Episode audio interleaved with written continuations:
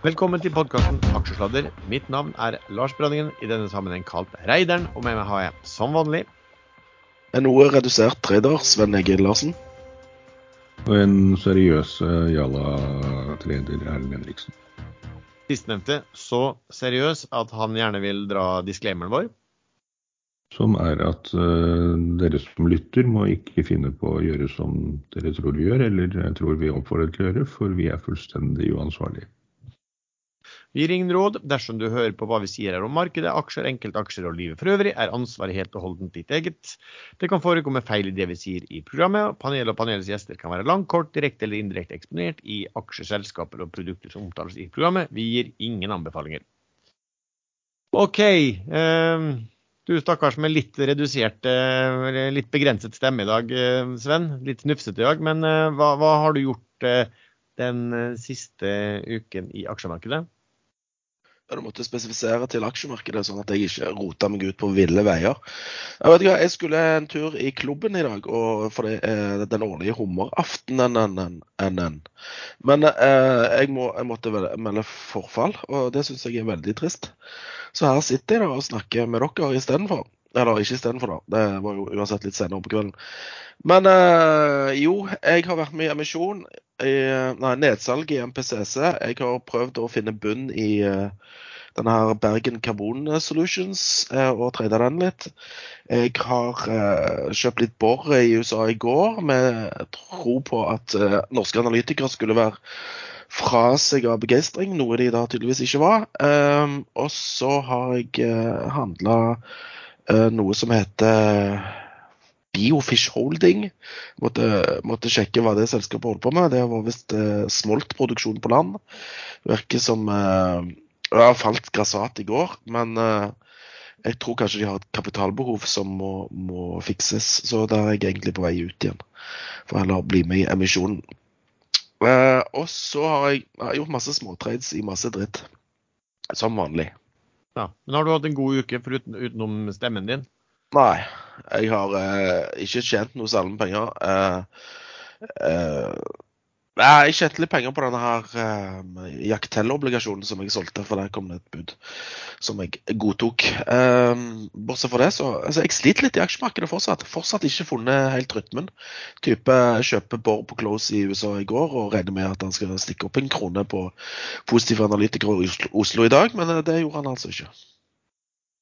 Eh, markedet er vel sånn noenlunde flatt, så er i hvert fall Oslo siste uken etter at den er ned sånn ca. 1,5 eh, i dag. Men eh, SMP 500, skal vi se hva den er på, den er jo uken er den cirka flat, den også. Det har jo vært veldig volatilt. Um, Erlend, hva har du funnet på? Nå, skal du, ut nå, skal du, nå skal du ikke snakke om den som hvis du skal ha en som noen sånn ukens favoritt. eller noe sånt. Nei. men- Men jeg slapp ut uh, Frøyer uh, notert i USA, fordi den begynte plutselig å trende, trende, trende enda mer negativt enn eh, US-indeksen. Så den lå egentlig litt flatt når US gikk opp, og så begynte den å falle når US gikk ned. Og da var det noe tekniske gap litt lenger nedi der, eh, helt ned til under 11 kroner, som muligens skal tettes. Så da slapp jeg ut den. Og da tapte jeg vel ca. like mye på den treden som jeg har tjent på de andre fine Frey-tredene mine i år, så da ble det null ish. Så kjøpte jeg Solstad Offshore.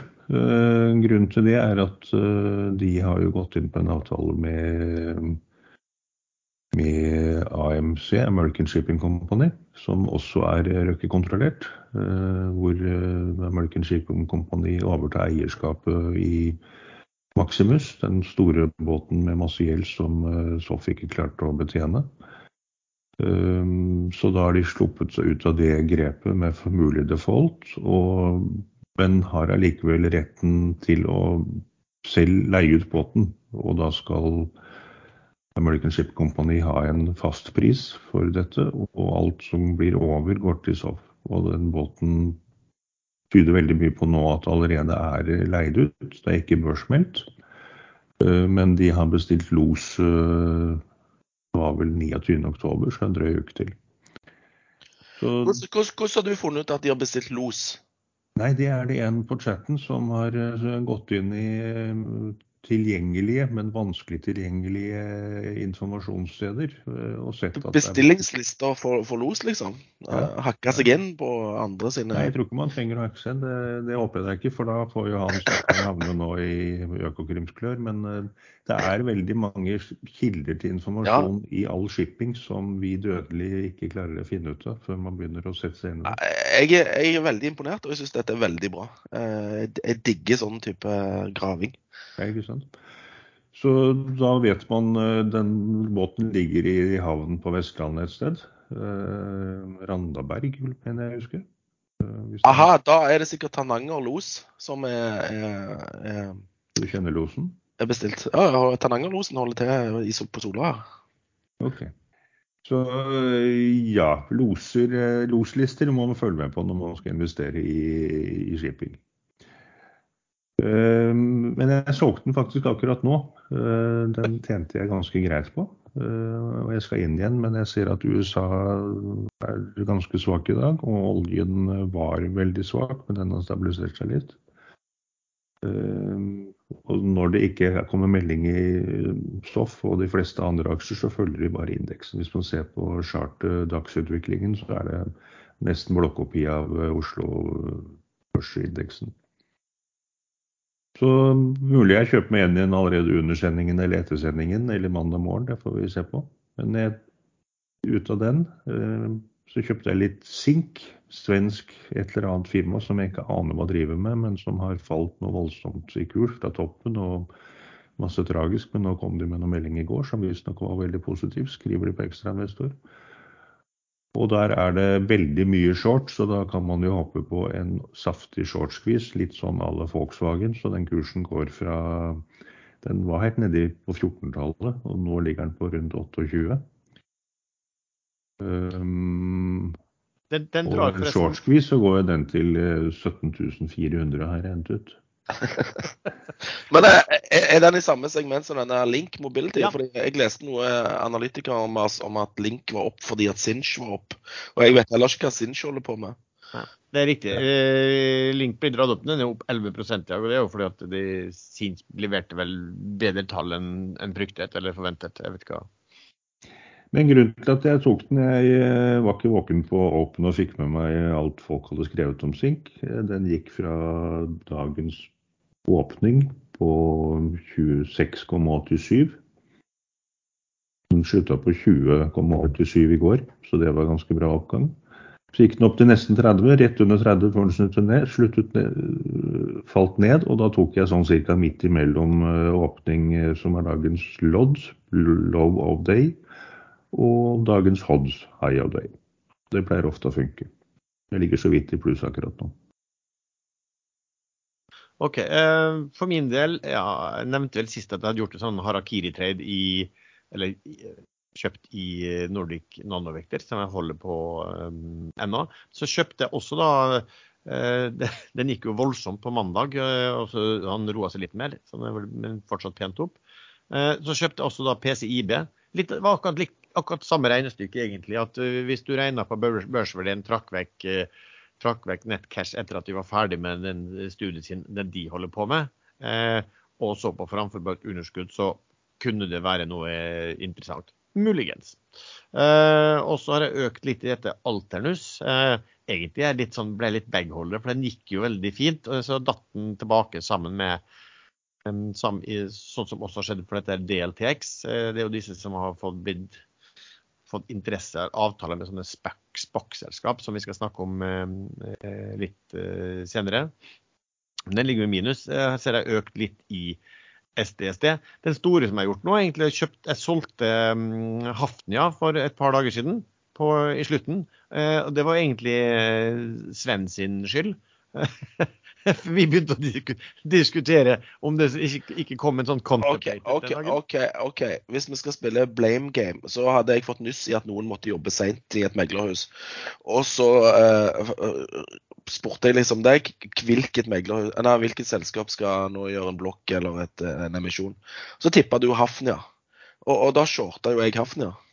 Så uh, hvem som skal skylde på hvem her, det vet jeg ikke. Og så, men eh, nå er det jo litt rart å skylde på hverandre, da. For Hafnia er jo ned 3% siden vi solgte. Ja, ja men jeg, jeg, dekker den på even, da. For jeg liker jo ikke å være short feil aksje, liksom. Nei. så det var egentlig var en sånn hunch som, som, som slo feil. Um, men uh, uh, Og så åpna han jo opp dagen etterpå, men han falt tilbake igjen. Altså, så, men Hafnia har vært en fantastisk god aksje for min del å eie i år. Og det er litt sånn at oi Eh, Sist gang jeg var ute, så kom jeg meg inn igjen nettopp pga. Et, et, et nedsalg. Så, men jeg kommer nok til å gå inn i den igjen. Altså. Men det forrige nedsalget var jo i september, så det var gjerne litt tidlig med nytt nedsalg. Uh, ja, men den aktøren hadde vel tre måneders uh, Ja, ja, men så begynte du å bable om at disse BV-gruppen kanskje kom til å selge før lockupen til disse Oaktree uh, gikk ut. Ja, det var egentlig bare en hunch. Ja, det var logisk. logisk. Du, jeg, jeg, kjøpte den, jeg. Kjøpte historien din. Selv om det var bare det var, rubbish. Det var, vel, litt i forhold til at hvis det skal komme et nedsalg, da, hvis vi tenkte på det, så er det gjerne de Det gjøres gjerne de aksjene som har hatt en, en, en solid, god utvikling. Og det, den, den, har jo i det høyeste grad uh, hatt det. Men uh, jeg, vil Det er nok en stor sjanse for at uh, når vi snakker, har neste episode innspilling, at jeg da eier Hafnia igjen. igjen. Skal vi se hva ellers jeg har gjort som har vært noe Nei, jeg har økt litt i dette her BSSAB, men den, den er jo fort en sånn aksje som kanskje blir til våren. Den tar av hvis, det, hvis den gjør det. Skal ikke du si rørleggeren nå, for å være morsom? VSS AB, rør, altså kalt, populært kalt Rørleggeren. Er fornøyd? Det har ingenting med rør å gjøre, så det er jo bare rør alt det du kommer med. Ja, ja, det er det jo. Ja, Men det er jo VVS, eh, så man leser jo det når man er i litt sånn byggebransje. Nei, hvis du har litt sånn dysleksi. Det er når man skriver, hva er det når man leser det? Det er kanskje det samme, det. Ja, jeg tror det, altså. Ordblind heter det. Det er dysleksi. Ja, Som er det samme som dysleksi.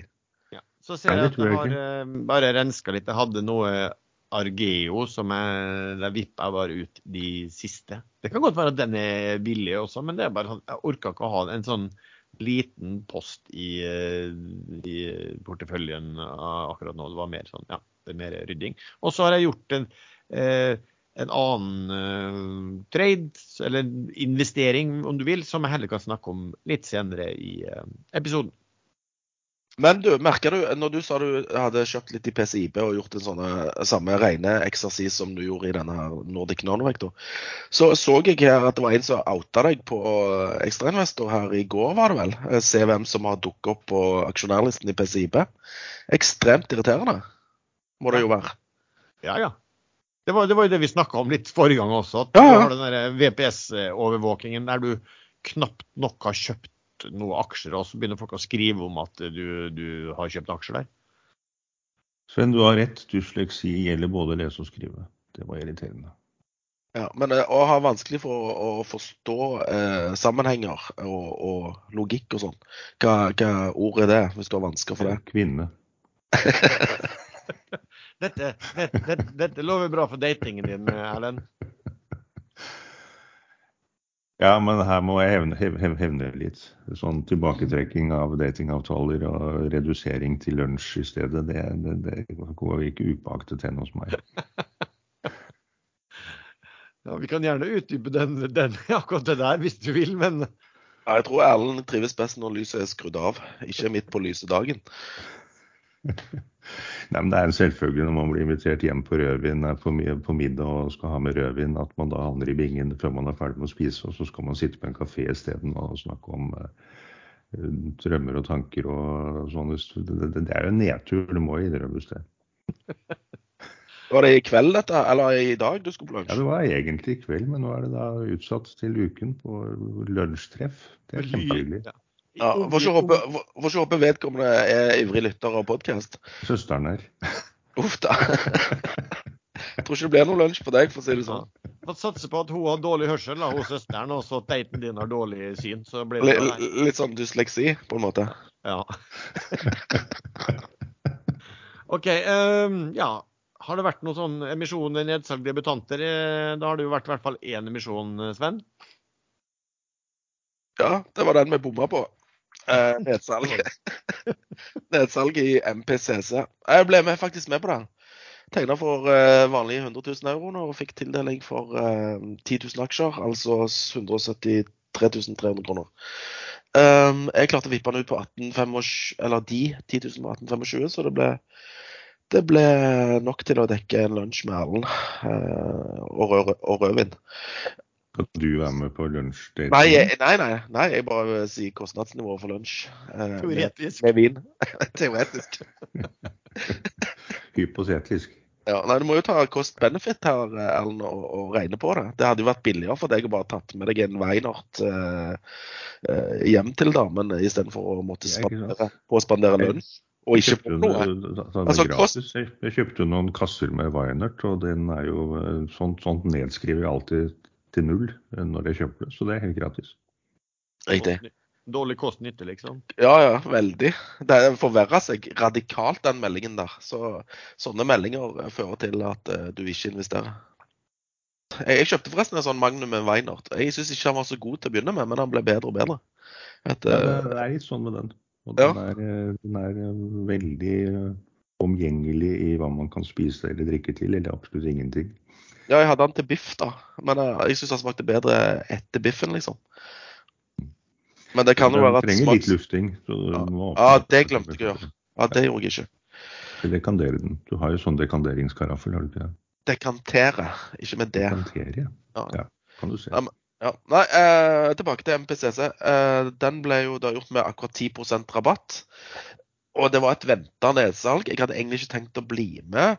Men så, så sendte han ene Fernie, megleren, som pleier å ha god call på ting. Eh, en melding om at ja, jeg tror, ble, tror, han ble bra. Men han ble jo ikke særlig bra da, hvis du ikke solgte ganske, ganske kjapt. Nå er jo kraftig ned i dag, i hvert fall. Eh, så, ja, så selv om det var venta, og han ble multiple times covered, den boka, da, så ble det jo ikke noe fest likevel. Hvorfor selger de seg ned? og kurs langt under 20 når, det, når, dette er så fantastisk og helt risikofritt. det, det, er jo ikke helt risikofritt. Jeg vet ikke hvem som nei, har sagt det.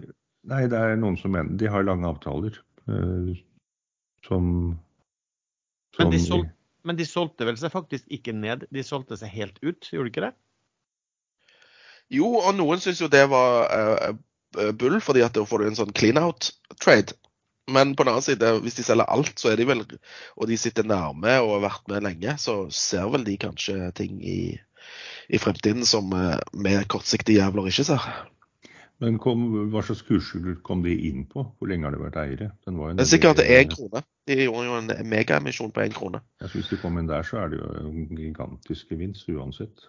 Ja, og så vet du aldri hva sånne, denne type fond har for posisjoner andre steder, og, og hva de skal investere i, og, og, skal de utbetale ting til noen, noen, som er med på fonden, eller hva som helst. Så det er jo alle mulige grunner til, å, til å, at man kan ta gevinst, da. Det er det jo. Du, En annen som faktisk kom altså Det var ikke emisjon. Vi, jeg vet ikke om vi har nevnt den, men det er NBX, denne kryptobørsen til, til han Kjos og de gutta, de meldte jo for en liten stund siden at de hadde inngått avtale eh, med noe utenlandsk som skulle tilføre eh, penger hvis NBX ville. Det var litt sånn mistenkt at det, at det ligna litt på, det, på sånn, kanskje noen dødsspiral. Men jeg er litt usikker på det. Men de kom plutselig med en sånn kontra nå om at altså rar melding om at nei, de skulle, de, skulle, de, skulle, de skulle ikke gjøre den likevel. Fordi at eh, investorene var out of the money, og det ikke var bra for aksjonærene. Eh, ble helt forvirra. Ja, eh, og at de i stedet da skulle gjøre en, en konvertibel obligasjon. Om, om, de hadde gjort en konvertibel obligasjon, det, det, vet jeg ikke om, eller om de skulle gjøre. Det var også ja, lett forvirrende. Mye rør fra den kanten òg, skal jeg si deg. For jeg ble heller ikke klok på denne meldingen om at de skulle få tilført 100 millioner dollar eller et eller annet fra en sånn eh, rar eh, amerikansk partner. Eh, og så benytter de seg ikke av det tilbudet likevel. Nå skal de heller gjøre en konvertibel. Det høres jo helt rart ut. Jeg syns vi burde tatt litt tak i denne Bergen Karbon, i og med at vi holder på å snakke om ting som har skjedd i løpet av uken. Som har vært, vært litt rart. Om vi kanskje tar den først, så vi ikke glemmer den ut, sånn som vi gjorde med spakkene sist uke. Det gjør vi, Sven. Fortell litt. Hva, hva er det som har skjedd da i Bergen Kaboom? Nei, Bergen eh, Kaboom, som jeg pleier å kalle den, den eh, smalt jo eh, skikkelig nedover noen dager her i, i, uken. Og vi begynte å spekulere i hvem som driver og selger sånn. Eh, og eh, jeg snakka med litt folk, og de mente at det er Spetalen som er blitt sur. Så han skal bare liksom eh, selge mest mulig ut på kortest mulig tid. Ødelegge Å, satan. Der smalt det i bor-traden min her. Jeg, har, eh, jeg selger 5000 bor i USA, eh, og så har jeg skjult volum på 100 per stykk. Så jeg har nå fått snart 50, 50 pling i øret her. Så det er litt slitsomt. Men er det ikke så høyt volum i USA at det ikke er nødvendig med skjult volum? Ja, De har ikke åpna ennå, så jeg selger pre-trade. Han kjører nå sånn 100 om gangen. Så det Spetalen har av og til, eh, i enkelte case når han begynner å bli litt sur og lei av ting, eh, en vane å bare ødelegge aksjekursen mest mulig eh, for andre. Det er ikke det lureste som regel, fordi at han kommer jo som regel opp igjen etterpå når, når han er ferdig. men det virker som det var det som skjedde, og mesteparten av volumet som ble solgt Eh, mandag, tirsdag, onsdag var jo fra eh, Saga Pure, som da valgte å redusere. Han var vel ute i Finansavisen i dag og sier at han fortsatt har masse aksjer igjen, men at han har drevet og redusert rundt omkring i grønt. Selv om han da mener at Saga, nei, Bergen Kaboom er, er, er et industriselskap og ikke et grønt selskap. Så, altså, du vet, Onsdag er det vel ikke klart hva de solgte, men de solgte over 600 000 aksjer på tirsdagen. Eh, og da sto de alene for 60% av salgsvolumet. Eh, men han, har, du, har, du, sett, Sven, hva han, eh, han, tidligere sjefen, han som heter Sagmo, var han som jo var, gikk, offentlig gikk, gikk, av fordi at han var utslitt, og som deretter så ut som han hadde fått ja, meget stor energi. Han har jo vært ute og skrevet litt på Twitter i forhold til det der også. Har du fått med deg det, Sven?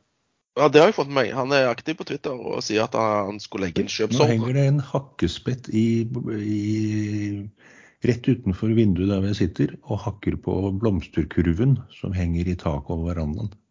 Det har jeg ikke sett før. Dette var breaking news. Ja, det var, ordentlig breaking. Det er sikkert en sånn rødspette, for den er rød, rød på magen. Rødspette? Men hvis det begynner å dunke litt sånn ja. Hvis det begynner ja, å dukke litt, så er det vits fra skole, en skolevits. Noen, en som skrev av rødspette. Sitter og hakker i trærne. Nå, nå ble jeg av, avsporet. Du var inne på han eh, toppsjefen? Ja, eh, Sagmo. Sagmo han er aktiv på Twitter. ja. Han eh, sa eh, til og med før børsen åpna at i dag så skulle han kjøpe, eh, legge inn kjøpsordre, eller han hadde lagt inn kjøpsordre på Bergen Kaboom-aksjer. Og det hadde visst en uh, viss uh, nytte der, for i går så steg jo kursen uh, kraftig. Men i dag så faller han tilbake igjen. Men han sa ingenting om hvor mange han har kjøpt, eventuelt hvor, hvor langt ja. ned i boka han ligger på kjøp? Men det ser vi om til T pluss 1 blir det nå, da. Så ser vi hvor mange han har kjøpt. for som gründer og tidligere CEO, som da solgte aksjer for over 80 millioner kroner etter at han trakk seg fordi han var utbrent, før han ble superaktiv i alt annet, og tredje på børsen, da er det rent negativt hvis han kjøper eh, for 100 000 kroner, eller eh, til og med under 5 millioner kroner. Men det mener jeg. Han eide fra før liksom over 5% av selskapet, i hvert fall. Men vi vil, vi vil se i aksjonærlistene som kommer på tirsdag, da, om han har kjøpt noe. Men det som også kanskje var viktig, var at han etter det jeg forstår, så uh, han, han, solgte jo en del aksjer for, uh, for, en tid siden. Det var vel i, i en sånn nedsalgsprosess hvor han kanskje fortsatt var, var toppsjef. Men, og jeg tror han har en lock-up på sine resterende som går ut i desember. og det stemmer nok, for han skrev jo på, på Twitter at han ikke hadde tenkt å selge noen aksjer i desember. Som jo for min del tenker jeg virker litt rart. For da har du altså, hvilken nytte har du av å liksom, innskrenke deg selv uh, uten videre? Men, men, det bidro nok sikkert også til at, uh, til at, uh, at, at kursen gikk, da. Ja, men Han falt jo rett tilbake igjen i dag, da. Så kanskje spitalen eh, bare eh, nå, nå gruser man litt til. Men la oss si at sånn helt generelt, uten at jeg vet noe som helst, så er det jo en bråte med røde flagg Det er jo så mange røde flagg at uh, som en skrev i chatten at Mao Zedong ville blitt uh, imponert over så mange røde flagg på 1. mai-opptog i Kina. Uh, toppsjefen trekker seg, selger masse aksjer på langt over 40 kroner, var det vel. Og kursen bare faller. De har inngått en memory of understanding med et japansk selskap som skal kjøpe produktene, men det er ikke nevnt navn. En Skårstad var vel ute og sa at han mente det var blitt såpass mange røde flagg at han solgte alt. det var ikke Skårstad. Det var ikke Skårstad. Det var godeste Sæter. Sæter, ja. Mm. Han pleier å ha ganske god teft. Uh, og når Spetalen via Saga også begynner å selge mye, så må man, må man, vurdere muligheten for at dette produktet faktisk ikke kommer til å slå an sånn som man har trodd. Det, man kan si da om Saga Pure, altså de er jo et investeringsselskap. Og så har den um, verdien av Bergen Carbon Solution har utvikla særdeles bra for dem. Og så bra at den har jo blitt en ganske tung del av hele investeringsselskapet sin portefølje. Så det er jo ikke så rart at de eh, vil vekte seg ned. Og så kom, skal man tenke på dette, og det er jo igjen det med eh, hvor, hvor synlig det er på aksjonærlisten. Det, det er jo nesten sånn at um, det er jo ikke noe fordel for dem å begynne å selge 20 000 i uka, eller per dag. Fordi da har de knapt nok begynt å selge det eh, før folk oppdager at det er de som selger. Og da begynner jo alle å skal frontrunde det. Så du, du, det er jo litt den synligheten som gjør kanskje at man selger ekstra hardt Uh, før det blir klart hvem som selger, på en måte? Jo da, men altså uh, Aksjekursen var vel ned sånn 12 eh, to dager på rad. da. Hvorfor ikke bare ta og selge en million eller to i en blokk, sånn som de gjorde sist gang? Uh, jeg var med på det nedsalget via Fearnley, tror jeg det var. Og så De hadde egentlig lyst til å selge tre millioner, men de fikk bare dekka boka på 2,5 millioner aksjer. Men fortsatt ganske mange aksjer, og du gir sånn type 10-15% rabatt. Mm. Så det, det, virker som det er noe annet, litt sånn hevnmotiv som ligger bak her, på måten de selger på nå, ja. syns jeg, da. Ja da, det er lov å mistenke det, og det er et godt poeng, det. også. Jeg er enig i det. Så Det blir jo spennende å se der, hvordan den eh, vi skal, nok, vi skal nok følge med på aksjonærlisten også om eh, Men alle selskaper med Bergen i navnet, det, det er rødt flagg, altså. Bergen Group husker man da. Det var ikke mye bra. Ja, Bergen Bio, ja. ikke, ikke minst. Sånn er det. Men OK, skal vi da um, komme oss videre og snakke om disse spakkene, um, som um, der, der, det jo har vært slik at det, er to selskap, da, DLTX og uh, Alternus, som uh, i det siste har jo avtaler med sånne spakker. Tidligere har jo Freyr kom jo på børs i USA via den typen. Og uh, også Calera gjorde det. Uh, og jeg prøvde liksom, å gå gjennom og, og, og, lese meg litt opp på altså, Det er en del ting man ikke skjønner her, da. Uh, men jeg kan bare si hva, hva SPAC er. Vi har snakket litt om det som er SPAC, altså Special Purpose Acquisition Companies. Det er egentlig sånn at en eller, en eller flere aktører de starter et, selskap og, um, som skal kjøpe andre selskap. Og det gjør en IPO på børsen, eh, der det blitt børsnotert. Og da får du inn ganske mye penger. En, eh, og sånn sett blir det en, en tilnærmet børsnotert bankbok. Um, og da er det slik at um, denne spakken da, det skal finne et annet selskap å kjøpe opp um, og fusjonere med. Og hvis det lykkes og går gjennom, så skal det, disse sponsorene, dvs. Si de som starta selskapet, normalt få eie 20 av selskapet. Uh, og inntil de har klart å finne noen, som har gått igjennom, så må disse sponsorene da drifte spakken for egne penger. Det er slik altså Hvis du er med på en spakk på IPO-en og går inn med en million der, så settes de, den millionen på sperra konto. Um, uh, så da, da, vil aksjene være backa av et tilsvarende sperra beløp, sånn at du skal kunne få de pengene tilbake igjen. Men det du også får, da, er, det er at du også får opsjoner, warrants. Så hvis ikke selskapet klarer å kjøpe opp innenfor en viss periode, så skal sperren, de sperrede pengene dine tilbakebetales aksjonærene. Hvis de forlenger, forlenger fristen som er gitt på når de skal finne ny en, så skal aksjonærene kunne forlange tilbakebetaling, altså såkalt redemption. Eh, og da får de altså pengene tilbake mot å ja, selge aksjen tilbake. Så, men her er det, det som er helt sykt i den strukturen. Altså, hvis selskap inngår avtale mot om oppkjøp av et annet selskap. F.eks. de som opp, skal vil kjøpe opp da DLTX. Eh, så skal altså aksjonærene innen en viss frist kunne forlange sånn redemption, selv om de har stemt for avtalen. Så, så det her kommer det jo spesielle da, hvis du er med på iPhone. Du har fått warrants. De får du beholde selv om du forlanger å få tilbakebetaling, redemption, etter at oppkjøpet er godkjent i generalforsamlingen. Så da, du har jo et insentiv da, til å stemme ja for en avtale, fordi at, fordi at har, selv om du har tenkt å få penger tilbake, eller du er imot den, fordi at du vil få pengene tilbake, og du vil få beholde warrants. Hvis du stemmer nei og alt blir, alt, ingenting går igjennom, så får du penger tilbake, men får ingen warrants.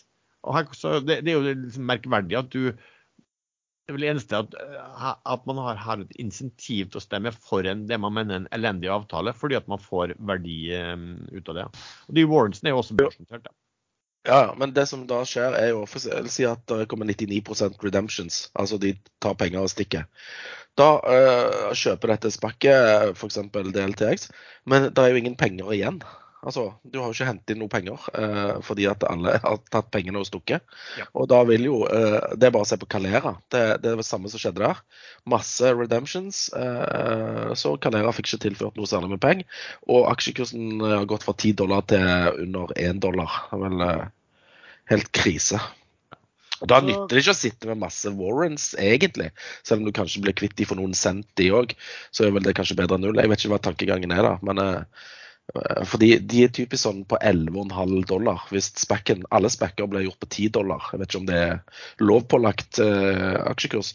Men eh, også er, er, er warrantsene eh, med streik 11,5. Ja. Men altså, poenget bare at det er, det er bedre for deg å stemme for dealen, få tilbake penger med, med, med rente og få en gratis warrant, enn å stemme ned dealen, få tilbake penger med renter uten warrant. Du har liksom eh, helt, ja, ja, helt riktig. Det, det, men altså, finner de sånn bra selskap å kjøpe opp, så, så går jo aksjekursen veggimellom. Det skjedde jo med en del av disse her uh, kinesiske high-tech-selskapene som uh, gikk på børs via Spax. Uh, men se på f.eks. Calera, som er, ligger på 0,43 dollar aksjen nå. Som ja. egentlig var aksjekurs 10 til å begynne med. Ja. Jeg husker også da um denne Dvakken som, som da mm, kjøpte uh, Truth hva heter det, Trump sin Truth Social. Den er vel ikke fullført ennå, men kursen på denne spakken gikk jo da fra 10 dollar på litt over én dag, så var den vel oppe i 170 dollar før den falt tilbake igjen. Jeg vet ikke hva den ligger nå, om den ligger rundt 20-30 dollar nå, eller et eller annet sånt. Den har falt mye tilbake. Freyr har vel hatt en god, um, en, en god utvikling på det også. Ja, den uh, Digital World Acquisition Corporation, som er de som kjøpte det, Truth Social, eller skulle gjøre det, det ligger på 16 dollar nå. Så det har vært en fin reise der. ja. ja. og tenk på de som har fått, uh, fått uh, warrants på dem her. Det vi har hørt fra DLTX, er at de, altså de som skal da kjøpe DLTX, de måtte forlenge fristen sin. Og som, som, jeg nevnte, ved forlengelse så kan eh, aksjonærene eh, forlange da redemption, altså bli løst ut.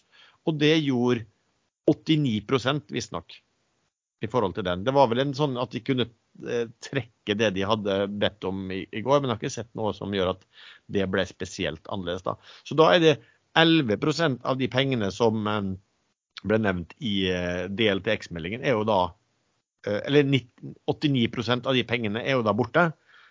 Og resterende 11% har jo da rett til å få pengene utbetalt. Hvis, eh, ja, uansett, da, og også etter at denne avtalen er godkjent. Så her, her blir det jo liksom også litt opp til disse selskapene at uh, hvor mye cash må ligge igjen for at de skal gjøre en sånn avtale, altså for DLTX og Alternus. Uh, og så er det jo spørsmålet selvfølgelig at vil det uansett innebære en billig form for børsnotering i USA? da?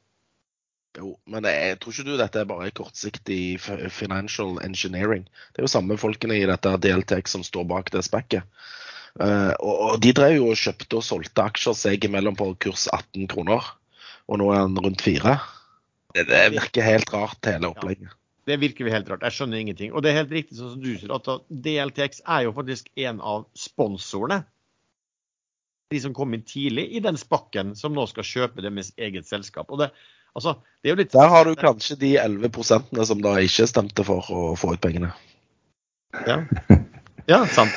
For eksempel. Nei, det, er, det, er ikke helt bra. Men det var en som skrev eh, i chatten ganske eh, smart at når transaksjoner er så kompliserte at det er umulig å forstå hva som er eh, motivasjonen bak det, da er det et stort rødt flagg.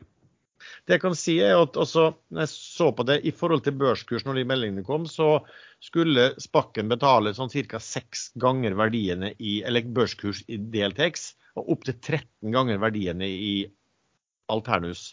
Eh, DLTX så var tidligere i dag, de, de var opp 53% siden den meldingen. Eh, Alternus var bare opp 7,7 ja, sånn, sånn cirka. Så, så, men, men, det som er da utrolig, og, og, som jeg sliter med å forstå her, er følgende. Altså, hvis du er sponsor, så vil du gjerne få gjort den dealen. ikke sant? For at du har sittet og funda det selskapet her underveis også. Du vil gjerne få gjort den dealen.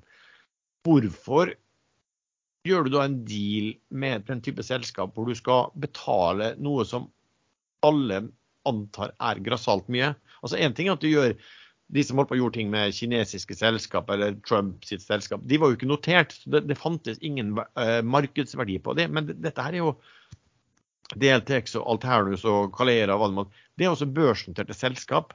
Så de som sitter i spakken, kan jo se at hva de prises til i Oslo. Så, så, det er jo som folk sier ja, men hvis du gjerne ville, hvis du syns dette var en kjempegod deal, da, da må det jo være mye bedre å få ut pengene dine fra spakken ikke sant? og så kjøpe aksjene direkte på børsen. Du betaler jo en, en, en, en brøkdel av prisen. Så, så jeg, jeg, skjønner egentlig ikke liksom hvorfor hva, hva er insentivet for disse sponsorene til å foreslå den type avtaler som, som virker litt vill? Alternativt har vel tenkt å, å få, sin, eh, gå, få, sin, vedtatt i Q1, mens DLTX-siden er vel snakk om til, til sommeren neste år. Men jeg tror egentlig kanskje ikke selskapene har så mye å tape på det. Um, som sagt, worst case er det har du, Går de sammen med et børsskall i USA og blir notert i USA, og worst case har det selskapet eh, veldig lite penger, men til en del har de vel også nesten ikke utvannet seg i det hele tatt. Så, så jeg ser liksom ikke nedsiden for de heller. Sven, her er jo noen ting som har skjedd denne uken. og Da kan vi ta med et spørsmål til deg som har kommet fra en uh, lytter. Uh, har du fortsatt den shorten din i uh, Atlantic Sapphire fra over 100 kroner? Mm, ja, hva tror dere? Nei, Hadde jeg hatt short i ASA, så hadde jeg vel snakket dritt om han i hvert uh, program og hver sending vi hadde. Så nei, det var kun kortsiktig for å bli med på en emisjon som de triksa til og kjørte over børskurs. Sånn at eh, oss rasjonelle investorer som skjønte hvor dette bar, eh, hadde tjent penger. De skulle, det skulle for all del ikke skje. Men se nå, da. Kursen er under fem kroner, så ja, det var veldig bra financial engineering, og ikke minst eh, bra teknologi hva gjelder oppdrett av laks på land. Så lykke til videre. Men hvorfor har den falt så mye i løpet av uh, denne uken her? Nei, fisken vil tydeligvis ikke være i tanker på land, så de dør, tar selvmord kollektivt. Så da Jeg vet ikke. Det, det, det funker ikke sånn som de trodde. Og nå, nå, står de i fare for å miste finansieringen. Eh, altså banklånet sitt fra DNB, som var avhengig av at de hadde en stabil drift og, og positiv EBITDA over en periode. Så nå skal selskapet satse på å, å stabil drift og, og prøve å, unngå at eh, fisken eh, kollektivt tar selvmord for å slippe unna pinselen om å være stengt inne i et eh, basseng på land. Ja, for det, det var, Her var det jo snakk om noe sånn fase to der de skulle utbygge videre, og hvor DNB hadde gitt de en ganske stor ramme på det, men så var det vel avhengig av at de leverte positivt EBITDA i, eh, i et kvartal, tre måneder på rad eller et eller annet sånt. Da. Så det er vel, det de, det er vel den, det er vel den finansieringen nå som flere og flere analytikere begynner å trekke i tvil. Nå har jo alle, nesten alle kutta, men så DNB kom, var vel i går at de kom, og da da nedgraderte de fra kjøp til hold, tror jeg, og de kutta kursmålet fra 30 til 6 kroner eller et eller annet sånt. Eh, og da måtte jeg se, for jeg regna med det ganske sikkert, men jeg måtte sånn for ordens skyld bare bare øh, sjekke det. Og da var jo det sånn at de hadde eh, Da var jo de hadde vært tilrettelegger, da. Som ikke kanskje var så veldig overraskende når de brukte så lang tid på å komme seg, på å komme seg, på å komme seg ned. Men, men vet ikke om dere leste det også belåningen til gründerne der også? Noen som fikk med seg det? Ja, eh, jeg har fått med meg det, og det er jo bare en trist historie. At eh, det er pantsatte aksjer som nå er sikkert langt under vann hva gjelder belåning. Så ja, jeg vet ikke hvor mye vi skal snakke om det. Og, og, og velte oss i andres ulykke. Nei, nei, jeg er enig i det. Men det er, det er, vel mer at du plutselig kan risikere at det kommer også aksjer ut på markedet. Da. Det er vel mer det som Derfor det her blir tatt opp i det hele tatt. Ja, men nå er nedsiden bare 4,5 kroner, så da ja. jeg så forresten at Kepler var vel, jeg mener at det var de jeg leste i dag, som eh, nå droppa dekning av selskapet. Fordi at det, det, det, var så usikkert og de var så tvilende til finansiering og hvor mye penger dette selskapet måtte ha. Og at de ikke ville ha jeg tror de hadde holdt anbefaling fra før, men nå, nå, gikk de bort og sa at vi, vi, vi vi ikke har noen anbefaling på det i det hele tatt. Og da, da, er det jo mer sånn at det gjør nesten meglerhus når de begynner å snakke om at det bare begynner å bli opsjonsverdier igjen i noen ting. Men det vil jo bety at de på Eller noen ser jo at her er det ikke mulig å hente penger lenger. For ellers ville jo noen fortsatt vært eh, heiagjeng og, og sagt at dette går bra, de trenger bare hente litt mer penger. Ja, du ser jo nå kuttene kommer fra type sånn tilretteleggere også, og de begynner å bli på dagens eh, nivå sånn sett. Så, men altså, det har jo vært, den type selskap er jo gjerne en gullgruve da, for, for um, en del meglerhus som er tilretteleggere, og så er det en katastrofe for, for de som har gått inn med penger der. Og det, jeg husker ikke, men de, gikk, de henta vel ganske mye penger for ikke mange månedene siden? De henta 1,5 milliard faktisk i uh, slutten av juli, var det vel. Til kurs? 20 og en halv. Så det var jo penger rett ned i sluken. Vi, vi hadde en, eh, en, episode hvor vi, hvor, som vi i tittelen brukte uttrykket uh, 'untrust'. Uh, og Det var jo basert på bråket i England knytta til uh, et ordspill med hun som var statsminister. Og var statsminister er jo riktig. Hva, hva er det som har skjedd i UK nå? Ja, nei, Airbnb la ut en annonse med bilde av ytterdøren i Downing Street Tent er det vel eh, statsministrene bor i, hvor de skrev at uh, egner seg ypperlig for korttidsleie eller noe sånt. Det var ganske morsomt. Det ble ikke så morsomt da jeg måtte forklare at det var morsomt. Men uh, hun trakk seg. Hun uh, fikk mistillitsforslag fra flere i sitt eget parti, og partiet Toryene har en regel at hvis hvis det kommer 50 mistillitsforslag, så skal man avstemme over om hun kan være partisjef eller ikke. Men det er også en regel om at de ikke kan kaste statsminister fra eget parti før det har gått et år. Men presset ble for stort, og hun trakk seg. Hun uh, gikk jo høyt ut med masse skattefradrag, spesielt for næringslivet og de rikeste, og måtte gå tilbake på absolutt alt. Så hun mistet all tillit. Uh, og i England har det jo helt siden hun uh, fikk sine første problemer, så har det blitt, uh, vært en morsom sak rundt et salathode som ble plassert på et bord og filmet uh, eh, 24 timer i døgnet.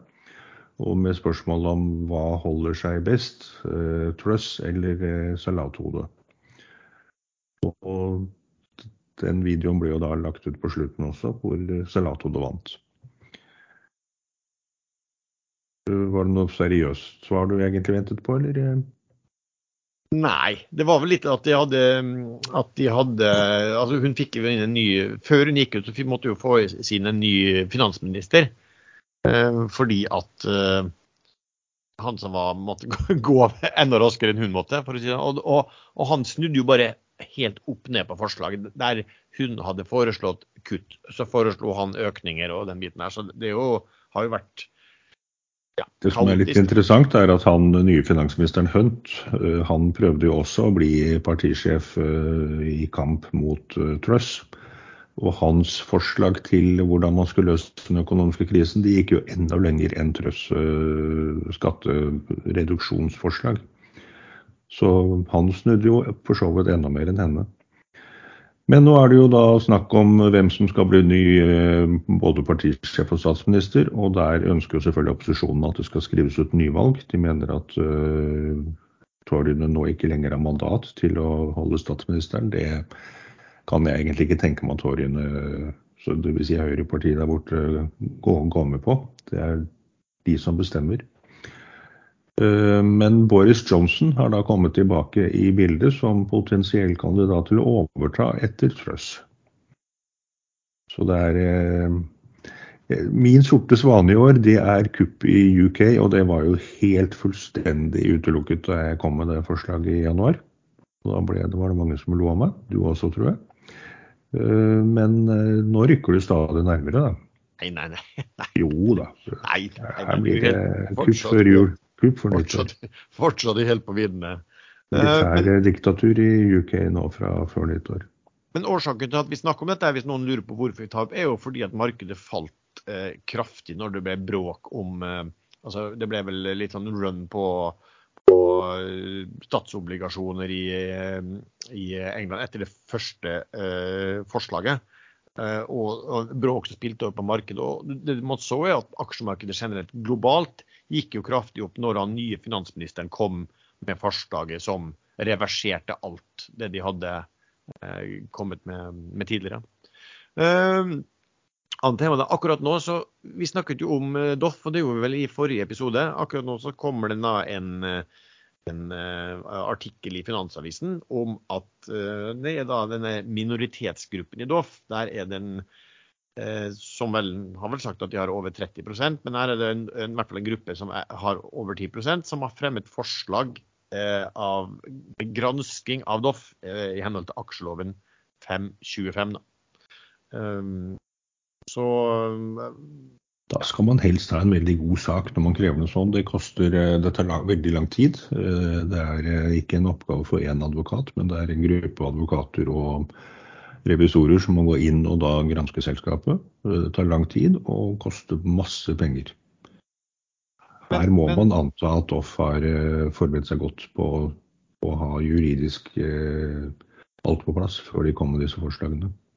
Jo, men hvis jeg skal si det altså, Det er ikke det dummeste de finner på å gjøre uansett. fordi at hele caset på disse minoritetsaksjonærene er jo at de vil holde på sin eierposisjon så godt som mulig fordi at de håper at markedet skal bli så sterkt at ting snur seg veldig. Så, så dette er jo, det er jo, et, det er jo et forsøk på kanskje å få hele denne her dealen Jeg vet ikke om den innkalt eh, til generalforsamlingen. Det var vel snakk om at i november at det skulle besluttes denne restruktureringen. Ikke sant. Men uh, nå er jo rentene gått kraftig opp òg, så de regnestykkene er jo ikke like gode lenger som de var uh, bare for noen uker siden. Uh, nei, nei da, det, det, det, kan du jo si. Men, men altså, som sagt, her er det vel Dette her fremsettes vel egentlig ikke for at de, de uh, at de trenger gransking. Det er vel egentlig at de uh, de vil ha utsatt hele behandlingen her. De, de, vil ha 'kicking the can down the road'. ikke sant? Og Da er dette en av de måtene som de kan begynne å spille inn til selskapet at Det er det, helt til kreditorene går lei og sier at dette gidder ikke mer, og innløser pantene sine. Ja, det, det, det, kan det gjøre. Så, så, men altså, det, det finnes alltid muligheten for at kreditorene sier at uh, dere skal få en uh, bedre deal. Men, men samtidig Men sannsynligheten er lav. ja, etter at Doff børsmeldte at dette var alternativet, og hvis dette ikke skjer, så kommer det, og dette har de inngått skriftlig med kreditorene, så blir det blir kanskje kreditorene altså kjenner litt, litt dumme ut da, hvis de ikke følger opp med det her også. ikke sant? Og det er klart at Hvis du da sitter som stor kreditor der så, og, og, gir etter, eh, så kan man jo tenke seg at neste gang du kommer i en sånn posisjon, så, så kommer eh, motpartene da også til å anta at du, du gir etter. Da. Men, uh, men, altså, som sagt, jeg har forståelse for at de gjør det. For at de prøver å, å få utsatt mest mulig. Det, det, det, det er i og for seg greit. det. Men her er jo Doff ennå ikke innkalt til generalforsamlingen. Ehm, og hvordan avtale de har skrevet med kreditorene. Eh, om kreditorene nå kan eh, snu seg rundt og si at nye signaler tyder på at dette vil bli nedstemt i generalforsamlingen. Eh, og den granskningen som kommer til å bli vedtatt på den generalforsamlingen, den For det har ikke Doff noen annen mulighet. Så lenge det er over 10% stemmer for det av de fremmøtte, så tror jeg det er et krav. Og at kreditorene da ser at verdier kommer til å forsvinne, at de rett og slett snur seg rundt og sier at vi dropper det. Vi slår Doff datterselskapet eller mor eller hva det nå er, konkurs nå. Ja, det er, det, er, jo det de, det er jo den faren de hele tida leker med. Da, at noen tenker bare at nok, nok er nok. Så Doff er jo et sånn typisk vakuum case som eh, fort kunne funnet på å gå både fire- og femgangeren herifra, selv om kursen er eh, i hvert fall eh, tre-fire ganger høyere enn den burde være i forhold til verdier i selskapet etter rekonstruering. Men jeg tør ikke å ta det nå, fordi jeg frykter at det kan skje. Og da kommer det en matching hold, og så er eh, katta ute av sekken, og så får man beskjed om at selskapet blir slått konkurs. Um, Sven, noe spesielt du har liksom bitt deg merke i nå? Det har vært, kommet ganske mye um, kvartalsrapporter denne uken? Gode tall, uh, ræva guiding og dårlige marginer framover. Som vi var inne på i siste sending, egentlig, hva vi trodde kom til å skje med Q3-tallene. Men uh, bankene uh, rapporterer om høyere rentenetto, men òg utsikter til høyere tap. Bortsett fra DNB, da. De reverserte jo sine tap, og aksjen falt likevel. Altså, Jeg så forresten på, på, de Eller jeg hadde tenkt å se på de DNB-tallene, men jeg ble så småkvalm når jeg så uh, hva de hadde som headlines. når De skulle, altså de var så politisk korrekt at, at du fikk matt. for at altså, Når du skal levere kvartalstall, og det, og det er et sterkt kvartal, liksom, så kaller du det for bærekraftig vekst i urolige tider. Og, hun, og, og, og noe av det første som står her, er liksom at hun da, konsernsjef Kjerstin Bråten hun uttalte seg altså at ja, norsk næringsliv viser en robusthet, og kundene våre fortsetter den grønne omstillingen. og Vi finansierte bærekraftige prosjekter for 43 milliarder kroner dette kvartalet. Hver femte norske krone som DNB bidrar med å hente inn i obligasjonsmarkedet, har nå en bærekraftsprofil. Altså, who gives a shit, altså for, for si, når du skal egentlig sitte og, og gå inn med regnskap for Norges uh, største bank, så blir det sånn over uh, Ja, nei, det blir, det blir, bare tull for mine. Altså. De kan komme med en egen rapport på det hvis de har så veldig lyst til å snakke om, om akkurat den, den, biten der. Jeg tror vi begynner å komme litt opp på, på krenkeskalaen på podkaster nå, Lars. ja, hvis de blir krenka på det der, så får det heller bli det. Prøvde ikke jeg å krenke noen eh, sist uke? Jeg hørte ingenting. Hva da? Jeg, eh, dere sa denne var, denne var grov. Denne var over, over streken. Jeg hørte ingenting. Ja, hva, hva, var det som var over streken? Nei, Det husker ikke jeg nå, men dere sa at dette var gale. Du er så vant, du er så vant med å si noe galt at du husker ikke hva du sa engang. Nei. Nei, men jeg tror at den offentlige støtten vi fikk på det var vel på Facebook spesielt, i den aksjesett-gruppen du har der, at vi fikk offentlig støtte av flere kvinner. Som absolutt ikke følte seg krenket. Og da tør ikke de andre å være høyrestøtt lenger. Men som sagt, vi har sagt det før at vi, vi, vi er ikke evnet til å klare ikke å krenke. Vi er så lite interessante at vi klarer ikke engang å krenke noen. Så, vi så måtte prøve på det, tydeligvis. Nordic Mining, eh, er det den eller noe, noe spørsmål på? Er det noe som skjer der?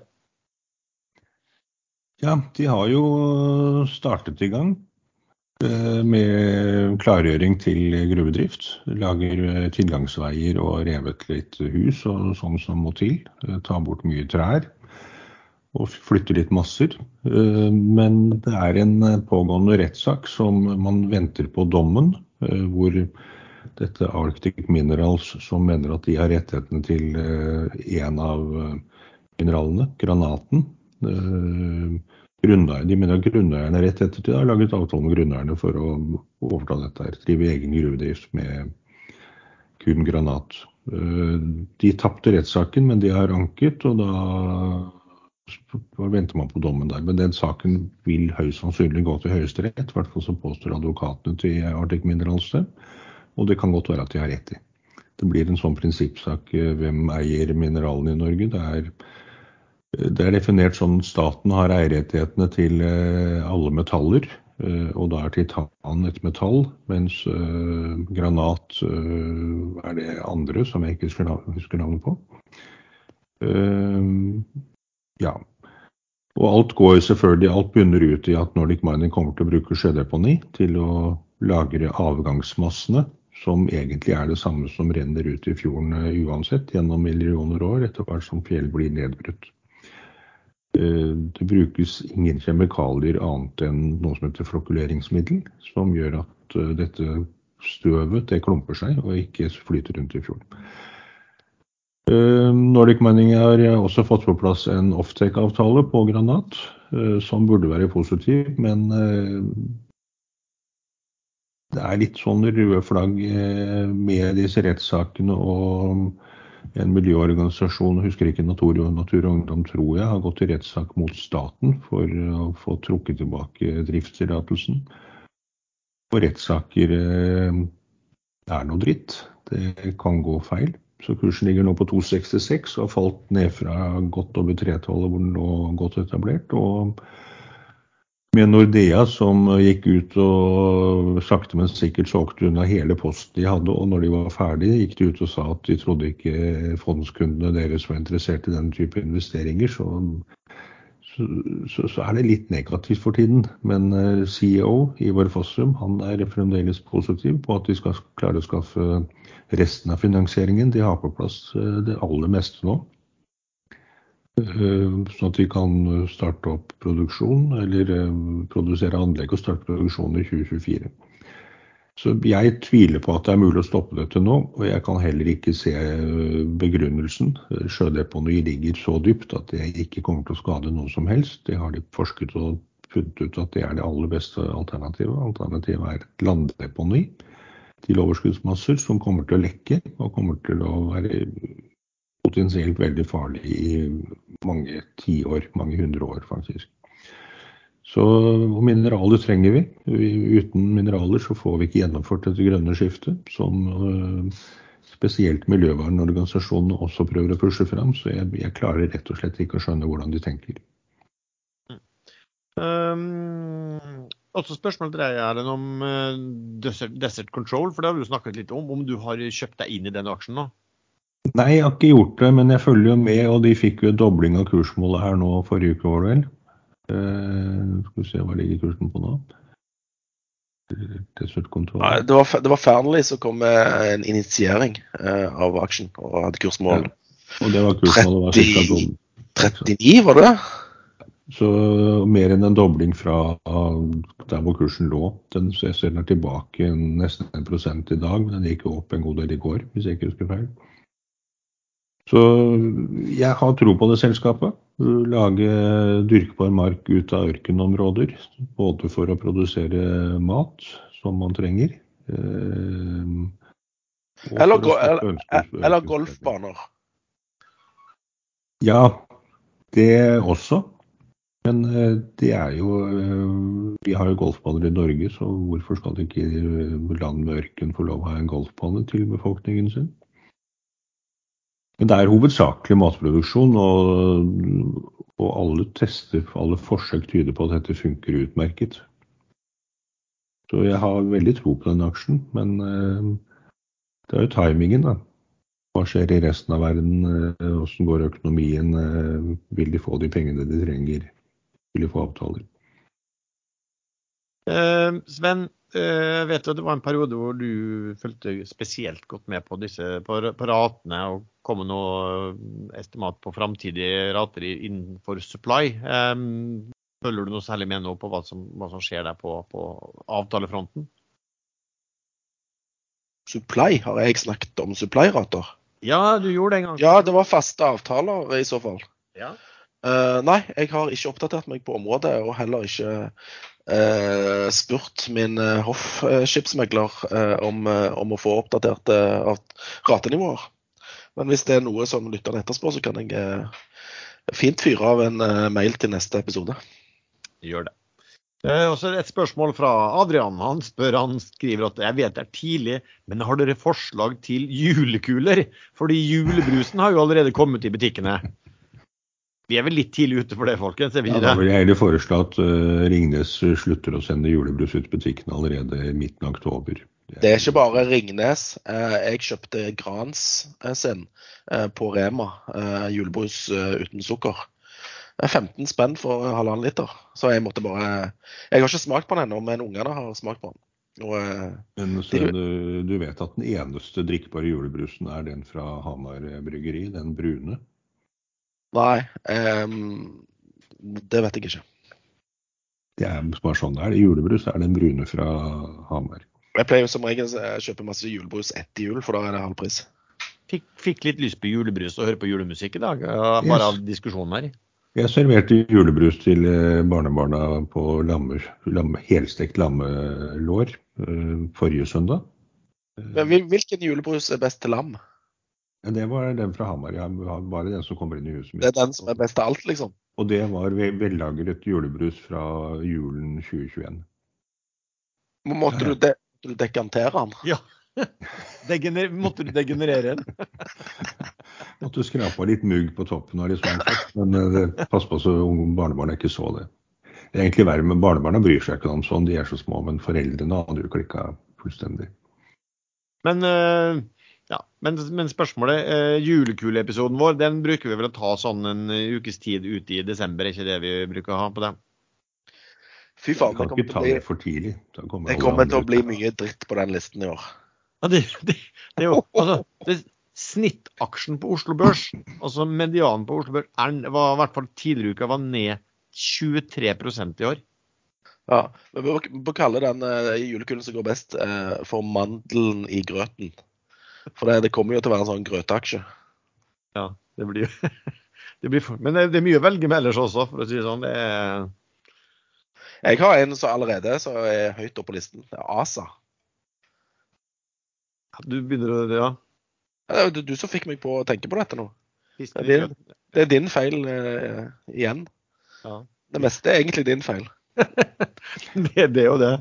Men innen, er ja. eh, innen julekuleepisoden eh, i desember så vil jo altså ha opplevd et eller annet nytt uh, forferdelig. All fisken døde, eller, eh, eller smaker jord av fisken, eller hele produksjonsanlegget brant ned, eller et eller annet. Det, skjer jo alltid noe i Asia som er negativt. Det gjør det. Um, nei, er det noe mer dere har lyst til å snakke om, eller skal vi kaste oss over i det som er uh, ukens favoritter? Bra. Få høre, Sven. Har du noe spesielt å komme med? Du, du, men hvis uh, du hadde en slags intuisjon på at jeg ikke hadde noen ting, og det er for så vidt helt korrekt. Jeg er livredd uh, som uh, Altså, Det nytter ikke å dra fram en aksje liksom, som jeg tror skal gå på en ukes sikt. her, fordi at Markedet er jo så volatilt at opp eh, 2% ned 2% og så videre. Så jeg avstår. Men altså, jeg har jo ting jeg ser på. og og, og, og i dag så tenkte jeg for første gang hm, her er det faktisk en del aksjer som jeg snart har lyst til å begynne å kjøpe. Uh, men jeg føler jeg ikke er helt der ennå. Så jeg beklager, folkens, men uh, det er trading, kort trading som gjelder for meg uh, også i neste uke. Og så lurer jeg på om vi får en skikkelig nedgang, eller om vi bare skal liksom eh, ja, opp og ned, opp og ned, og litt ned og litt opp. og Men, jeg, jeg føler markedet ikke har helt tatt inn over seg disse økte rentene, denne stadig høyere, eller høye inflasjonen, og, og hvor lenge dette skal vare. Så jeg er usikker på om markedet har fått det med seg. Og jeg ser liksom eh, vår gode venn Ringholm poste grafer eh, så det suser etter på Twitter. Han har faktisk gått forbi meg nå i antall følgere fordi han er så flink å, å poste interessante grafer. Hvis det er en graf om liksom eh, dette rentemarkedet, navet i selve kapitalismen, som han kalte det. Eh, at det er urolige statsobligasjonsmarkeder, spesielt i Europa, men òg eh, litt, eh, litt usikkert i USA. Så jeg tror det skjer et eller annet, men jeg vet ikke helt hva. han, han Pål Ringe han tror jeg har vært en sånn utmerket sånn regissør av en skrekkfilm, tror jeg. Ja, han har begynt å innføre aldersgrense på grafene sine nå. Det er sånn Stephen King over de grafene hans. Ja, ja. Men altså, de, de, de, de, viser jo kun fakta. Ja, og det er vel sånn også ja, det, det, det er urovekkende ting rundt eh, likviditet. Jeg skjønner, skjønner hva du sier. Men, men Eh, vi kan spørre sånn, litt sånn langt i at Vi har jo snakket om liksom, de farlige månedene. Tror du at, vi, at her, her, gjelder å komme seg ut av uh, november, og så får vi happy days i julerally i desember, eller har du sånn som ofte skjer? Er det noen plan, eller? Nei, det er ikke noen plan. Jeg vil ha smellen før, uh, før julekvelden. Mm. Men, men, tror du at det altså, Nå ser det ut som, som rapporteringen, kvartal, altså kvartalsrapportering er, er ganske greie Um, ja, det er veldig selektivt, da. Du hadde ja. Tomra i dag, kom med ræva tall i forhold til forventninger. Den har halvert seg fra, fra toppen. Ja. Uh, og den var jo en, en yndling uh, tidligere. Den får smake pisk. Har du Yara, kom med knalltall, men på feil grunnlag, liksom. Det er fordi gjødselprisene har jo gått til himmels uh, på feil grunnlag og krig i Ukraina som med, Den snakker vi veldig sjelden om i podkasten nå. Vi er liksom bare blitt vant med den nå. Ja, og Norske Skog ser også, kom jo med tall i dag også som, som skuffa en del i forhold til forventningene. og Da fikk de pisk med en gang, ned 30. Ja, og så har du i USA eh, Snapchat. Eh, ja, det var det vi skulle snakke om i dag, Ellen. Det har vi faktisk glemt. Snapchat kom med tall, eh, og de var egentlig bedre enn venta. Men de unnlot å guide for Q4. Og, og, det førte jo til en viss usikkerhet, og aksjen suste jo ned i ettermarkedet i går. Nå skal jeg sjekke hvor mye han er ned. Den aksjen har ikke jeg lyst til å snakke om det hele tatt, for det var den jeg tok før tallene forrige gang, og da tapte jeg jo altfor mye penger. Han slutta 10,79 eh, i starten i går og ligger nå på 7,90, ned eh, 27 Og den smitter over på, på Facebook, altså Meta. Men det er jo fordi ingen bruker det dritten. Jeg, jeg, jeg er kun på TikTok jeg nå. Eller jeg, jeg følger kun med på TikTok. Det var det vi skulle snakke om. Ja, ja, og du sier jeg får ikke lov til det fordi at det er kinesisk. Hvilket land er de fra? De er fra Kina. Er Kina, ja. Så men det meste andre, det meste andre ting i verden er jo òg lagd i Kina. Ja, ja, men det skal vi endre på. Eh, du legger da alle dataene dine, sikkert også kredittkort, inn på en kinesisk eh, kontrollert nettside, som det, i tillegg det... får tilgang til absolutt alt du interesserer deg for å drive med, og hva du sier og mener. Og, ja, men jeg har ikke lagt Hallo, jeg har ikke lagt inn noe kredittkort, for det er gratistjeneste. Og jeg har kun lagt inn en sikkert e-postadresse. Eller telefonnummer, jeg husker ikke. Uh, uansett, uh, er det så farlig, da? Nei, bare sånn uten å dra den for langt, sånn rent prinsipielt, så, så, er jeg litt sånn innimellom at jeg tenker at her er Vesten faktisk i krig med Russland. Sånn ikke offisielt erklært, men de facto er vi jo det. Nato mot Russland. Og Kina har valgt å offisielt ikke ta stilling til det. De støtter ikke Russland, men her er det unnlatelsessynd å ikke fordømme Russland, så da mener jeg at Kina støtter Russland. Og Kina gjør jo alt de kan for å overta Vestens hegemoni i verden. Eh, og det vil ikke være noe særlig bra for oss. Og da mener jeg at man burde gå litt inn i seg selv og boikotte absolutt alt som produseres og selges fra Kina. Biler og TikTok og hele sulamitten. Du... Det går jo uansett den veien. og USA har jo forbudt masse eksport til Kina av eh, høyteknologiske chipper. Og de har forbudt bruk av kinesiske telekommunikasjonsgreier og droner osv. kineserprodusert i USA. Så verden kommer til å løsrive seg fra Kina som leverandør. Hva gjør du på TikTok da, Sven? Danser du og legger sånn dansevideo sånn, eller? Nei, nei, jeg legger ikke ut en dritt. Jeg får bare masse sånne Det er typisk sånne algoritmer da, som, er, som da viser meg ting i feeden som da jeg har kikka på før. Så hovedsakelig så består den feeden min av halvnakne damer. Folk som skjærer opp eh, kjøttstykker, altså biffer og diverse andre eh, kjøtt og grilling og slike ting. Eh, golfslag, eh, morsomme fotballting. Eh, og det var noe det var masse, masse sånn humorgreier. Så, altså søte hunder og, og, og til, til, nøds katter og, og dyr som gjør rare ting, liksom. Så det, det, er bare liksom underholdning, i stedet for å se på Facebook liksom at uh, noen skal selge huset sitt og trenger å få reposta innlegget sitt. Jeg syns Facebook er så kjedelig. Eller på Facebook og, og fortelle hvor glad de er i barna sine, eller, eller mannen sin eller kona si som sitter eh, tre centimeter unna, men de følger for at å skrive 18 eller lang tekst om det på Facebook. Ja, kjæresten min, nå har vi vært sammen i 52 år, liksom. Det, eh, det Ja vel, flott ja. det. Nei, TikTok derfor, det, er bare underholdning. Og, og lett underholdning som vi klarer å fordøye. Um, Erlend, har du noen ting for, eh, spesielt for uken som kommer?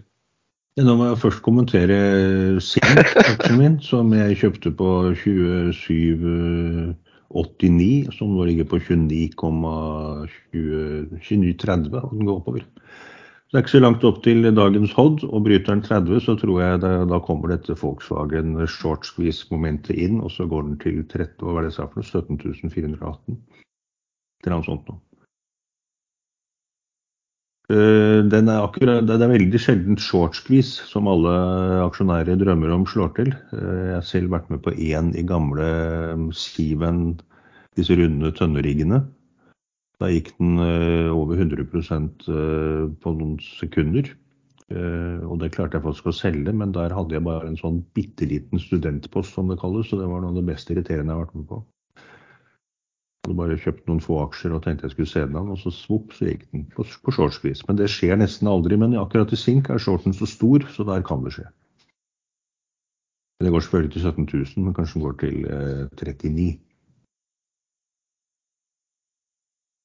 Men det er jo kursmål langt over det. DNB har vel kursmål 60, så det kan godt være at, eh, at det blir sittende litt på disse aksjene. Det Hva var det ellers du spurte om? Nei, om det var, flere, om det var noe annet du eh, har på som er spesielt spennende?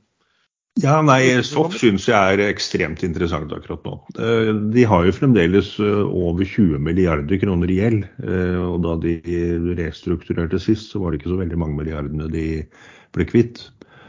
Eh, De har nå veldig god inntjening, og de har interessante båter og det er interessante markeder. Eh, Men man skal ikke se helt bort ifra at det kommer en ny restrukturering i SOF. Alternativt så bruker de den høye aksjekursen nå til å sette en emisjon med eh, kanskje bare 5% rabatt, eller ikke noe særlig rabatt i det hele tatt, sånn som eh, PGS gjorde vel det et par ganger, og et par andre. Så, det, så hentet vel også inn litt penger på veien opp, gjorde de ikke det? Husker ikke helt det. Men uansett, det, det er en veldig interessant aksje. Eh, Jeg er fremdeles ute akkurat nå. Den ligger litt høyere enn der jeg solgte. Eh, Får se hva jeg gjør. Freyr batteri, der prøver jeg å avvente litt og ser om den skal tette gapet under 11 kroner. Eh, Hvis ikke så er det mulig at jeg kjøper meg den også på høyere kurs. Hvis den La meg få lov å arrestere deg bitte litt. Du mente dollar. dollar, ja. ja. Det er greit, for det er eh, 11 eh, 100 og ned. Hva? 11-gangeren forskjell, nesten. Eh, Men Frøyer eh, kjøper heller når den trender opp enn når den trender ned, som den gjør akkurat nå. Og så følger jeg med på SAS. Eh, Der kom det melding, og det har jeg vel nevnt før, at konkursdomstolen i USA, dommeren sendte saken tilbake til SAS og nektet å godkjenne pilotavtalen, som jo hadde vært kroken på døra hvis eh, SAS hadde blitt tvunget til å reforhandle pilotavtalen med fire forskjellige fagforeninger i tre land. Det, tror jeg aldri de hadde klart. Eh, Men eh, jeg har fått tilgang til en mail fra, fra SAS til en kunde, eller til en aksjonær som spurte hvor ille dette er. Og hun sa at dette er, ikke, dette er en litt sånn teknisk greie. Eh, hvor de ikke i det hele tatt planlegger å reforhandle avtaler med pilotene, men må bare gi dommeren litt mer informasjon, og så vil han som bli happy, trolig. Og det skal avgjøres nå 25.10. Så når den, hvis den går i boks og dommeren er happy, da mener jeg at SAS er klart for et vakuumrally. Men jeg venter nok til etter at man vet at dommeren er godkjent. Og Så vet man aldri når disse vakuumrallyene starter, for det er fremdeles et, øh, vel øh, nesten tre kvart år til øh, det selskapet kommer til å være ute av rekonstruksjonen. Men bare sånn som det er sagt, så ligger kursen nå på nesten 0,50 svenske. Så ligger den eh, mellom fem og ti ganger der den burde ligge. Og alle er klar over dette. Det er ekstremt høy risiko. OK. Ja. Ja. For min del så ja, Jeg sitter jo på Valaris fortsatt, som går bra. Og jeg som sagt ute av Hafnia, men vil fort inn igjen også. Det er vel de to som har vært liksom veldig gode. De har vært veldig bra en periode. Eh, Hun nevnte Alternus og Nanovektor og PCIB. Alle de er jo tradingposisjoner og litt sånn galskap-posisjoner. Eh, Alternus jo, eh, er jo en helt annen det, er jo en, det er jo en virksomhet innenfor veldig spennende områder som også har gode, har gode inntekter. De hadde vel 100 millioner, cirka, over 100 millioner inntekter siste eh, kvartal og, og vokse sterkt. Men jeg, jeg, har liksom ikke noe anelse om hva en fair verdi på det. Og, men, men, de har i hvert fall ikke fått den uttellingen på, på den der um, spakk-greien, fortjent eller ikke. Um, på den. Men uh, det som er kanskje interessant igjen, jeg skal ta opp en, en i disse dager med hvor du er veldig skeptisk eller urolig for markedet, så har du disse long shortene du kan ta. Da. Og da kan jeg ta opp en som ikke er så veldig gammel, men som gikk noen prosenter sist gang, og som nå faktisk oppdaga uh, hadde kommet ned på helt sånn, nesten sånn rekordlave nivåer. Det er da spreaden mellom Skipsted A og Skipsted B. Eh, jeg tror jeg snakka med den, og den var på en 6-7% sist gang jeg tok den der. og Da gikk den opp noen prosenter, men ikke så mye mer enn det. Men den har falt helt ned til 3,3% Dvs. Si at Skipsted A prises bare 3,3 over Skipsted eh, B i dag. Og jeg bare ser av de siste fem årene Sist gang den var på et så lavt nivå som det der, det var eh, vel akkurat en, om det var i, i mars 2020. Så, og det var vel da for at kursen var helt altså Det var jo akkurat da smellet kom rundt koronaen og alt det der, at da fikk du Ja, eh, prisingen var litt, litt spesiell, da. Så på mange måter kan du si at i et normalt marked så er det laveste spredd nå du har sett på eh, fem år. Hvis du ser over en sånn femårsgraf, så vil jeg si at kanskje den har ligget i snitt på eh, 10 forskjell. Eh, de siste to årene har det nok vært mellom 10 og 15 og nå altså det er bare 3,5 3% forskjell. Så da er det, kjøpt... det du da sier, kjøpe A og selge B? Short A. Nei, kjøpe A, ja. Og short B. Ikke sant. Så det, det, det, er egentlig bare et spill på at du, du, tror at forskjellen i de to prisene, uh, altså verdiene, skal, skal forbedre seg til fordel for A. Da. Det vil si at A skal gjøre det relativt bedre enn B fremover. Så da har du jo ikke noe markedsrisiko. Det er egentlig bare, ikke sant? Og du har ikke noe selskapsrisiko heller. Det du har, er, er hvordan markedet synes de to um, A- og B-aksjene skal prises i forhold til hverandre. Jeg sitter faktisk og vurderer om jeg skal ta det bettet nå, eller om jeg ikke gidder. Altså, det er jo ikke noe sånn du, du gjør jo ikke noen sånn supermange prosenter på det, men det, det altså sånn det, Nei, men hvis du har nok penger inne, så er jo en prosent på en uke ganske mye. Ja, det er sånn nitty-gritty. Jeg tror fort at du, du, du, kan si at den kan fort begynne å dukke opp igjen og, og godt over 5 altså, det, kan gå, det kan gå veldig fort. ja. Og det er altså litt sånn nitty-gritty ting du kan gjøre ved å plukke med deg noen penger her og der, og du ikke føler at du har noe sånn særlig risiko. Um, det kan være bra. Og som sagt, det som du sier også, at hvis du bytter nok penger den veien, så, så, så blir jo noen prosenter blir jo, blir jo pent, det også. Ja vel, skal vi ta helgen, eller har dere ennå ting dere har lyst til å snakke om? Nei, Jeg vil bare si fra at er min anbefaling for neste uke TikTok, da. Lett, med lettkledde damer fortrinnsvis, kanskje? Nei, det er jo opp til hver enkelts interesse. Det kan godt være at noen er interessert i halv, halvnakne menn, for alt jeg vet. Ja, Erlend, hysj nå, Erlend. Men jeg mistenker at Erlend ikke har muta seg sjøl en eneste gang i løpet av denne sendingen. Ja, hva har du hørt for noe lyder? da? Nei, jeg hørte bare litt sånn lyder her fra når Lars snakket nettopp. Jeg måtte du, sende en du, mail. Regnskapsfører måtte ha en opplysning, og da måtte jeg svare på en mail. Og da blir det litt sånn tastaturklikking. Er det fortsatt regnskap for 2018, eller er du kommet videre? Nei, jeg har kommet helt til 2020 nå. OK, veldig bra. Ja.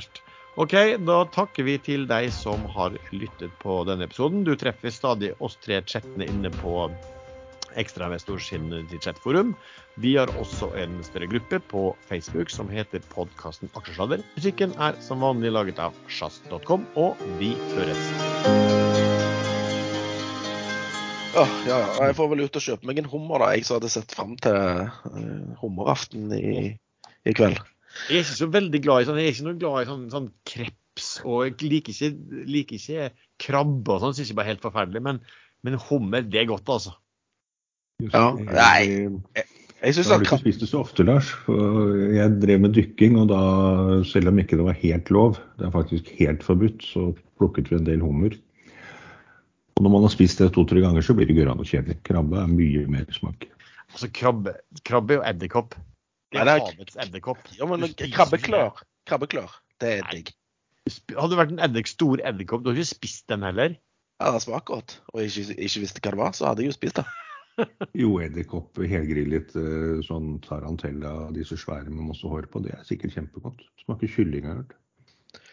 Men det som, det som jeg ikke skjønner, det er at det er så ekstremt mange som spiser sånn blekksprut.